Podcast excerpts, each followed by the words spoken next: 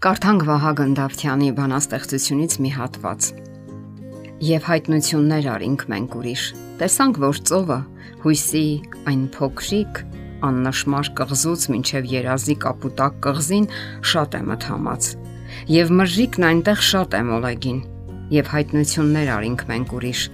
Տեսանք, որ չքնախ երազի կղզու ափի ժայռերը շատ են ուղազիկ, եւ ափ ելնելու չկա ոչ մի ճար եւ արինք նաև հայտնություն մի այլ, որ այդ ծովն ունի միայն մի խորուրդ՝ ընթանալ անverջ, չհասնել սակայն։ Ինչեր կանեիք հանուն ձեր սիրո։ Ինչերի եք ընդունակ հանուն ամուսնական միաբանության։ Ինչն է իշխում ձեր ամուսնական հարաբերություններում։ Սերը որ ուժեղացնում եւ ամրապնդում է սեփական անձի զգացողություններն ու կարեւորությունը, թե անտարբերությունն ու ձանձրույթը, որ ճնշում է սեփական եսը։ Սիրել նշանակում է ոչ միայն սեփական անձի նուրբ հուզումներ, այլև նշանակում է ազատություն տալ դիմացինին, աճելու եւ ինքնադրսևորվելու։ Սիրո կարևոր պայմանը ազատությունն է եւ այդ հնարավորությունը դիմացինին տալը որpիսի նա միանգամայն բնական ձևով աճի ու զարգանա։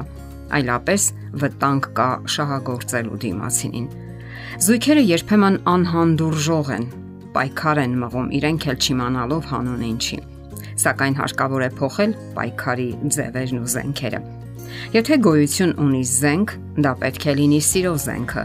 փոխամբռնման արվեստը եւ դիմացինին ընդունելու մարտավարությունը։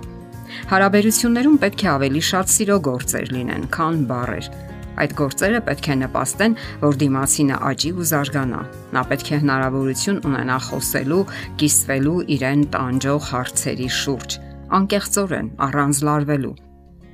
Լրությունը նույնպես հարաբերության ձև չէ, եւ դուք էլ կրյաներ չեք, որ պարփակվեք ձեր պատյանի մեջ ու լռեք։ Լսելու ժամանակ կարևոր է քաջալերանքը Պետք է խրախուսել կարճ դրական արտահայտություններով, որpիսի խոսողը անկաշկանդ շարունակի իր միտքը ազատ զգա ձեր ներկայությամբ։ Դժվար չէ արտահայտել մոտավորապես այսպիսի մտքեր։ Հասկանում եմ քեզ։ Ինչ ես ասում։ Շարունակիր, շարունակիր։ Ամեն ինչ պատմիր սկզբից։ Հետաքրքիր տեսակետ է։ Հետո, հետո ինչ եղավ։ Եվ այլն։ Ասենք որ ձևական անկիրք լսելը վաղ թե ուշ հոգնեցնում է եւ լարվածություն առաջացնում։ Իսկ ամուսինների դեպքում դա վատ հարաբերությունների նշան է։ Ամուսնական հարաբերության մեջ տեղ ունի նաև հուզական բռնությունը։ Այն եւս բացասական երևույթ է։ Երբ կինը երկար ժամանակ գտնվում է հուզական բռնության վիճակում, շատ դժվար է լինում դուրս գալ այդ հիվանդագին իրավիճակից Դառնալով զոհ, մարդը պարզապես կապվում է իրեն տանջողի հետ։ Կան նշաններ, որոնք ցույց են տալիս, որ ամուսինների հարաբերության մեջ արկա է հուզական բռնություն։ Կինն այնպես է անում, որ հաճո լինի ամուսնուն, որpիսի չնեղացնի նրան։ Նա ամեն կերպ արդարացնում է ամուսնու վարքագիծը եւ անընդհատ մեղադրում ինքն իրեն։ Նա դառնում է մոռացկոտ, վախվորած եւ չի կարողանում կենտրոնանալ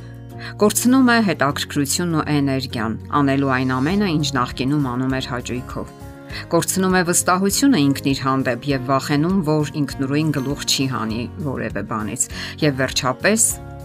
չարաշահում է ներողություն խնդրելը, որpիսի արդարացնի իբր իր հասցրած վիրավորանքները։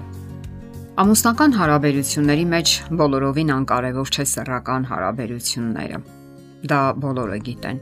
Մարդկային մարմինը նրբագեղության եւ գեղեցկության հրաշք է։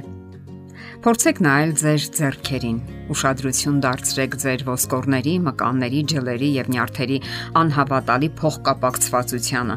կառուցվածքի համագործակցության զարմանահրաշ կատարելություն, որի շնորհիվ կարելի է շոյել մանուկի այտերը, աշխատել մուրճով, կարելի է ջութակ նվագել, կարելի է նաև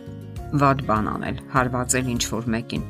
Ամբողջ հարցն այն է, թե ինչպես եք օգտագործում ձեր մարմինը։ Սա հավասարապես վերաբերում է սեռական հարաբերություններին, որի հակումը մարդկային էության դրսևորումն է, զգայական խոր ապրումների աղբյուր, որը սակայն աննպատակ չէ։ Մարդիկ ստեղծված են, որpիսի խորապես գնահատեն մերց հարաբերությունները, գնան առավել խոր փոխհմբռնման։ Անիրական սպասումները հարաբերությունների ցանկացած ոլորտում խաթարում եւ ոչնչացնում են բնականon հարաբերությունները։ Անիրական է, երբ հարաբերության ցանկացած ոլորտից անհավանական սպասելիքներ ունեք։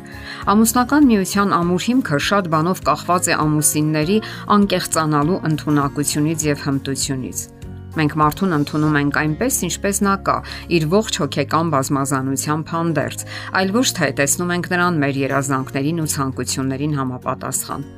Հանուն սիրո մեր որոնումներում ոչինչ թեթևորեն չի տրվում հարկավոր են մտորումներ եւ խորհրդածություններ։ Նման մարտավարության ջանքերն արժեն պատուղներին, որովհետեւ արդյունքը երջանկությունն է եւ առողջությունը, ընտանիքի յուրաքանչյուր անդամի հոգեկան բարեկեցությունը։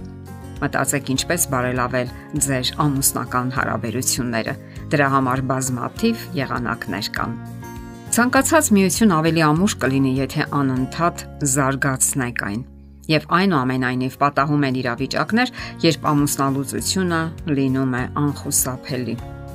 Դա հնարավոր է անհավատարմության, դավաճանության, ֆիզիկական բռնության դեպքում։ Իսկ ընդհանրապես հնարավոր է ներման միջոցով վերականգնել շատ փշրված հարաբերություններ։